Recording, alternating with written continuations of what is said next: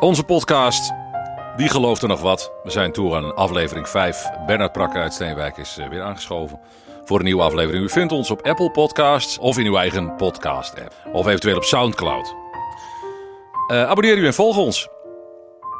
Je bent dol op de geschiedenis toch, eh, Bernard? Je duikt steeds de geschiedenis in, hè? Het gaat eigenlijk niet zozeer over het geloof van nu... als wel over uh, de ontwikkeling van het christendom door de eeuwen heen. Ja. We hebben het vaak over het Romeinse Rijk. Dat staat Ja. ook voor vandaag weer op de agenda. Klopt. Uh, maar je wil beginnen met... Uh, nou ja, dat, dat, dat speelt natuurlijk midden in het Romeinse Rijk. Paulus en Seneca. Ja. Tijdgenoten en vrienden. Nee, geen vrienden hebben elkaar niet gekend. Dat maar is niet, uh, Paulus duidelijk. heeft duidelijk gebruik gemaakt van de geschriften van Seneca. Daar Je weet zeker dat ze elkaar niet gekend hebben? Ik weet zeker dat ze elkaar niet gekend hebben. Oké. Uh, uh, ik denk dat Paulus ietsje eerder is doodgegaan en Seneca was een stoïcijnse filosoof. En die dacht op een gegeven moment dat de maatschappelijke en, en de, ja, de toestand in het Romeinse Rijk zo slecht was dat hij er maar beter zelf uit kon stappen. Dat heeft hij ook gedaan. Oké. Okay. Maar dat was toch onder druk van keizer Nero? Ja, zo kun je het zeggen, ja. ja. Ja, die, die was dus definitief gek aan het worden. En uh, ja, uh, Seneca zag het aan en die dacht, dan kan ik het maar beter zelf doen. Bovendien waren de Romeinen er ook heel goed in om iemand een briefje te sturen waar alleen maar stond, wellicht is het het beste voor u en voor ons om puntje, puntje, puntje. En dan wist iedereen wat er bedoeld werd. Oh ja, ging dat zo? Is dat vaker, is het vaker voorgevallen? Oh jee, honderden keren. Ja. Dat, was een, oh, dat is een zeer bijzondere methode. Ja, een zeer bijzondere methode. Ik, ik sluit niet uit dat, dat onder bepaalde dictaturen in, in Rusland of elders... dat dergelijke methoden met een zekere verandering... maar dat die ook gebruikt zijn. Je, je kreeg, kreeg, een brief en dat was eigenlijk je doodvonnis. En er stond in, u, u hoeft ook niet meer te komen. We, we gaan u niet berechten, maar u moet ervoor zorgen dat u er binnenkort niet meer bent. Oh, je wil beginnen over Paulus. Ja, hij wordt genoemd uh, de apostel. En apostel, dat betekent zoiets als gezant, of misschien is het nog beter om te zeggen ambassadeur. Dat is dus iemand die een boodschap heeft aan de mensen, of aan een deel van de mensen, uh, namens iemand anders. En Paulus was van mening dat hij moest vertellen, ja, ook wat hij zelf had meegemaakt en hoe zijn inzicht was gegroeid. Wat was er aan de hand? Hij was een vrome Jood, daar was hij ook in opgeleid. Niet alleen in zijn geboorteplaats, maar ook in Jeruzalem. En hij meende dat zijn vroomheid ook de vorm zou moeten krijgen dat de nieuwste ontwikkeling, de nieuwste secte van het Jodendom, dat die bestreden zou worden. Want men zei, willen wij de godsdienst zuiver houden, dan moeten wij mensen die onzin beweren en die daar een slechte vorm aan geven, die moeten we vervolgen, als zou de dood erop volgen. Dus dat was Paulus de apostel de ambassadeur. Uh, die is gaan reizen, geheel op eigen initiatief. Eerst uh, wat wij Turkije nu noemen, dan Griekenland en op het laatst ook Rome. Paulus is daar geweest en zijn methode was altijd om eerst contact te zoeken met de plaatselijke uh, Joodse gemeente. Die was er altijd wel, zeker in Rome, maar ook in veel andere plaatsen. En het daar dan te hebben over wat Paulus uh, op het hart lag. Zijn eigen verhaal, zijn eigen ervaringen. En dan uh, ja, te hopen dat deze of gene zou zeggen... Paulus, je hebt mij overtuigd, ik doe, ik, ik doe mee aan dit nieuwe verhaal. Dat was Paulus. Maar ik wou het ook hebben over Seneca. Er was een tijdgenoot, uh, was geen christen, leefde in het Romeinse Rijk, meest in Rome. En Seneca die was de adviseur van keizer Nero. Maar op den duur uh, zijn die twee uit elkaar gegroeid. Uh, ik kan ook nog zeggen dat er in deze periode twee filosofieën waren die uh, het erg goed deden. De eerste was die van Seneca, dat waren de Stoïcijnen. Wij kennen nog het woord Stoïcijns. Dan laat je je emotie niet blijken. Hoe gaat het met u? Oh, uh, best, ja, ik heb niets te melden. En de andere is het epicurisme. En dat zijn de mensen die juist de emotie zoeken. Oh, wat een lekker ijsje. Oh, wat een ontzettend gezellige middag. Ach, wat een schitterend schilderij. Dat moet ik ook hebben. Enzovoort. Uh, zodat we kunnen concluderen dat als wij een kopje koffie uh, krijgen van de ober, dan zegt hij tegenwoordig heel vaak: geniet er maar van. Ik heb daar moeite mee, maar die man die zegt dat. Uh, en dat betekent. waarom, dat... Even, waarom heb je er moeite mee? nou, dat zou ik zelf wel uitmaken of ik ervan geniet of niet. um, maar hij, um, die ober zegt dat en is dus een epicurist. Geen stoïcijn. Want een stoïcijn die trekt er een gezicht bij alsof hij die, die koffie helemaal niet heeft besteld. Dat is dat. Uh, wij proberen het te hebben in deze podcast over het ontstaan en het functioneren van het christendom. En we zijn nu zover dat we kunnen zeggen: het christendom is een variant op de Joodse godsdienst. Toepasbaar gemaakt voor niet-Joodse mensen, dus voor alle mensen die het maar willen, universeel. En met afschaffing van heel veel Joodse gebruiken en, en, uh, en mogelijkheden, maar met behoud van de essentie van de Joodse theologie. Namelijk, er is maar één God en die kan je niet afbeelden, die kan je niet zien en daar kan je je toe wenden in het gebed. En wil je er meer van weten, dan moet je maar luisteren naar zijn volgelingen, naar uh, de volgelingen van Jezus van Nazareth, zijn zoon. Dat was dat. Het christendom ontwikkelde zich. Nou, dat is mooi. Eerst waren er duizend en op den duur waren er honderdduizend. En dat ging nog veel harder.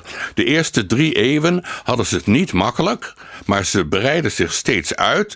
En het merkwaardige was, hoe harder ze vervolgd werden, met straffen en rechtszittingen, hoe meer leden er kwamen. Want er was kennelijk erg veel onvrede in het Romeinse Rijk. En het uh, publiek dacht vaak: als ze die christenen pakken, dan zal het vast wel heel erg de moeite waard zijn. Het Romeinse Rijk had van alles en nog wat. Bijvoorbeeld het bestuur, daar waren ze goed in. Daar heb je geen religie voor nodig. Uh, wegen hadden ze aangelegd overal. En ons woord post dat is het Latijnse positus. Dat wil zeggen vaste plekken waar je goederen, pakjes en brieven kan brengen. En dan zal dus de post verder zorgen dat ze te bestemder plaatsen komen. Ik wil maar zeggen, het christendom had heel wat te danken aan deze Romeinse instellingen: het bestuur, de wegen en de postzaken. Maar het christendom dat uh, aan het. Uh, dat was Namen ze over, gebruikten ze. Oh, ja, maar jij schilderde, jij schilderde het nou af alsof het christendom daarna aan de macht kwam. Nee, zover zijn we nog niet. Oh, okay. dat, komt nog. Oh. Ja? Uh, deze instellingen hebben een grote rol gespeeld bij het ontstaan van het christendom. Het is later, toen de Romeinse keizer zei: ik vervolg de christenen niet langer, maar ik sta ze toe. Het is een geoorloofde godsdienst. Toen is het uh, aan de andere kant uit de hand gelopen. Want toen had je zoveel christelijke synodes en vergaderingen. En al die bisschoppen die hadden van de keizer vrij reizen gekregen. Dat dat hele postsysteem, dat raakte verstopt. Dus dat is de omgekeerde wereld. Het Romeinse Rijk heeft maar liefst duizend jaar bestaan. Dat is ongelooflijk lang. Ik, ik ken geen ander rijk waarvan het zo lang het geval. En daar bedoelen we dus mee dat, dat vanuit Rome de wereld bestuurd werd. De wereld werd steeds groter. Griekenland kwam daarbij, Spanje kwam daarbij, Egypte kwam daarbij en ga zo maar door. En de Romeinen bleven maar winnen. En wat nog veel knapper is, ze hadden vormen gevonden om die, om die uh, volkeren die ze hadden onderworpen, om die het leven niet zuur te maken, maar om ze juist een plek te geven binnen dat Romeinse Rijk. Daar kwam ook verder niet zo heel veel stennis over. Die volkeren vonden dat al lang best. Uh, dat hadden de Romeinen gedaan. Ze hebben niet zoveel uh, eh, bijgedragen aan ons idee van beeldende kunst. Weer wel van de welsprekendheid, de retorica. Daar waren de Romeinen ook heel goed in. Daar hadden ze opleidingen voor. En als je de hoogste opleiding uh, gevolgd had, dan was je gelijk geschikt om minister van propaganda te wezen. Zo kan ik het wel stellen. Maar wat viel zo'n opleiding dan in? Wat, uh, wat moet ik me daarbij voorstellen? Dan moest je de oude dichters van de Grieken en de Romeinen uh, bestuderen. En daar werd college over gegeven. En dan mocht je zelf met werkstukken komen, zoals nu de universiteit ook nog werkt. Zoals je zelf met, met uh, werkstukken kon komen.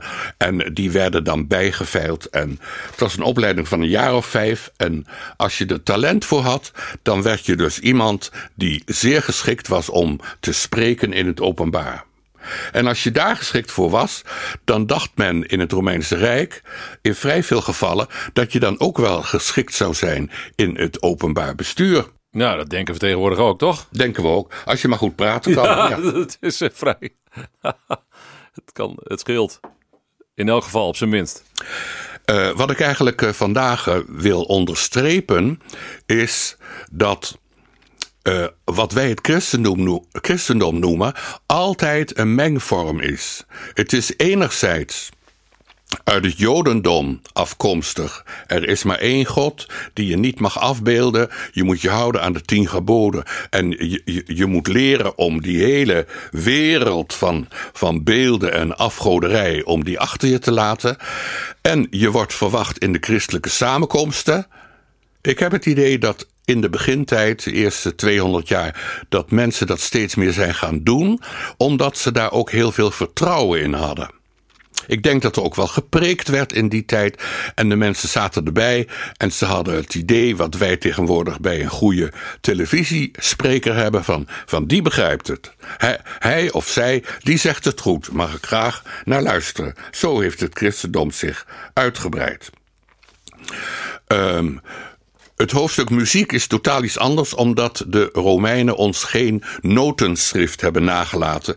Dus wij weten er niks van hoe de oude Romeinse muziek heeft geklonken. Wij weten iets van Joodse muziek, een enkele fragment. Dat we zeggen, dit is misschien wel, dit is misschien wel uit, de, uit de eerste eeuw van onze jaartelling. Maar het echte noteren en dat het duidelijk wordt, dat hebben wij aan Paus Gregorius te danken. En daarom heet die notatie heet altijd de Gregoriaanse muziek. Ik ken een klooster in Nederland waar ze dat nog steeds beoefenen. En ik kan u zeggen, het klinkt prachtig. Paulus, die had Seneca wel gelezen. En hij zei, uh, ik vind het verstandig om... Sorry dat ik even onderbreek, Bernard, maar weet je heel zeker dat ze elkaar niet gekend hebben? Want daar is discussie over, hè, onder historici. Dat weet jij dan weer. Ja. Hartstikke goed. Oké. Okay. Nee, ik, nee, even, ik denk van niet, maar het zou, ik, kan het niet bewijzen, dus het, ik kan zomaar dat ze elkaar wel. Uh, de jaartallen zijn, dacht ik... Uh, uh, Seneca moet uh, aan zijn eind gekomen zijn in 64 van onze jaartelling. Die, de, de, jaartelling is ook weer christelijk, zoals je weet. Ze zijn gaan tellen vanaf het geboortejaar van Jezus, maar ze hebben zich vier jaar vergist. Dus Jezus is vier jaar eerder geboren dan die geboren werd. Begrijp je? Zo is dat. Oh ja? Ja, maar, maar wat, wat zijn vier jaar? Voor de rest klopt het. Op een gegeven moment hebben ze het schrik, schrikkeljaar ingevoerd. En toen weer een extra uur en toen weer een extra seconde. En nu werkt het als een trein. Jaartelling die wij nu hebben, houdt de hele zaak stabiel. De, bij, de, bij de moslims is het zo. Bij de uh, aanhangers van de islam, ook in ons midden in Nederland, dat zij nog hun oude kalender aanhangen. En die is lang niet zo precies als de, als de gewone jaartelling. En dat houdt in dat hun grote feesten, ook het suikerfeest of wat je maar hebben wil, dat, dat verschuift. Dat valt het ene jaar in maart, maar dan, uh, omdat ze maan, maanjaren hebben, dan valt het uh, een jaar later, een maand daarna. En het suiker. Dus wat, wat wij hebben, Sinterklaas, dan kan er sneeuw wezen. En, en kerstmis, dan hopen we er zelfs op. Dat zou enorm leuk zijn. Dat kent men in de islam helemaal niet. En alle mensen in de wereld die onze jaartelling gebruiken, die noemen dat niet de christelijke jaartelling, want dat, dat doen ze liever niet en gelijk hebben ze. Maar die noemen dat de gewone jaartelling. Ja, gewone jaartelling. Um, nou, ik kom zomaar tot het. Eh, tot de grote conclusie van vandaag. Dat is namelijk, Paulus heeft Seneca gekend. Paulus eh, eh, gekend in de zin van gelezen. Ja, ja. En, en hij heeft gedacht, dat is nog niet zo gek. Dus wat doet hij nou? Hij schrijft brieven aan de christenen in Rome, de Romeinen. En aan de christenen in Korinthe, de Corinthiërs en zo nog wat brieven.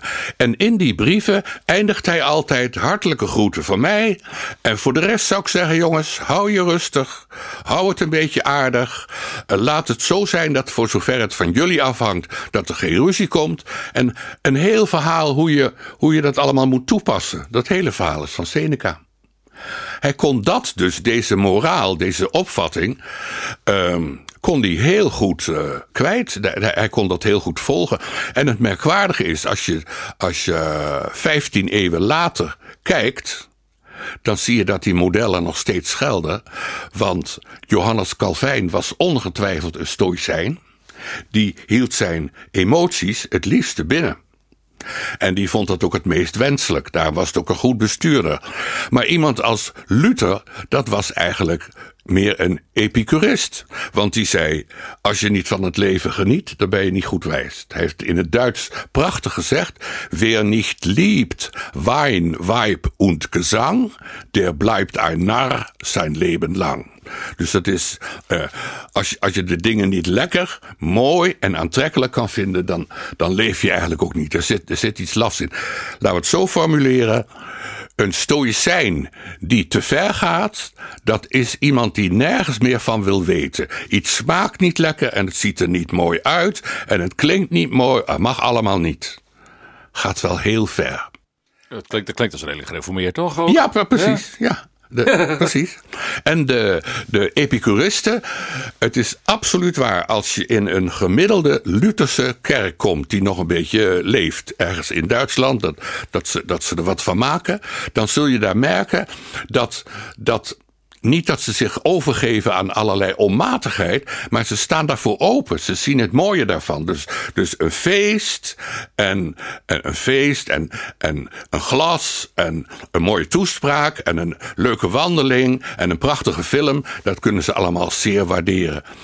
Het stoïcisme, de stoïcijnse filosofie, kan zo ver gaan dat ze dus ook zeggen: um, wij gaan niet naar uh, toneelvoorstellingen. Want dat is allemaal niet echt. Dat is, eh, dat is gespeeld. Dat, eh, die mensen die doen maar wat met hun emoties. Daar moet je je verre van houden. En eigenlijk het ontwijken van dat alles kan net zo schadelijk zijn als het te veel tot je nemen van dat alles. En vandaar dat ik heb gezegd dat Paulus aan Seneca een hoop heeft te danken, want hij vond het van alle schrijvers en alle denkers vond hij het een van de aantrekkelijkste en daarom heeft hij zich ook van stoïcijnse principes bediend. Heel goed. Vind ons op uh, Apple Podcasts, op uh, SoundCloud of in uw eigen podcast-app. Abonneer u en volg ons. Tot de volgende aflevering, Bernard. We hebben nog twee te gaan. Ja. Bedankt voor vandaag. Ik zou ook nog willen zeggen, uh, als mensen mij op fouten betrappen, dat is zeer goed mogelijk, of, of onduidelijkheden of wat dan ook, kunnen ze dan iets doen? Kunnen ze... Ja, op, op, als je ons zoekt of vindt op Soundcloud, dan is, uh, staan, staat jouw e-mailadres erbij. Prima. Dus uh, je kunt gemaild worden, zou ik maar zeggen. Prima. Contactgegevens zijn bekend. Heel goed. Tot de volgende keer.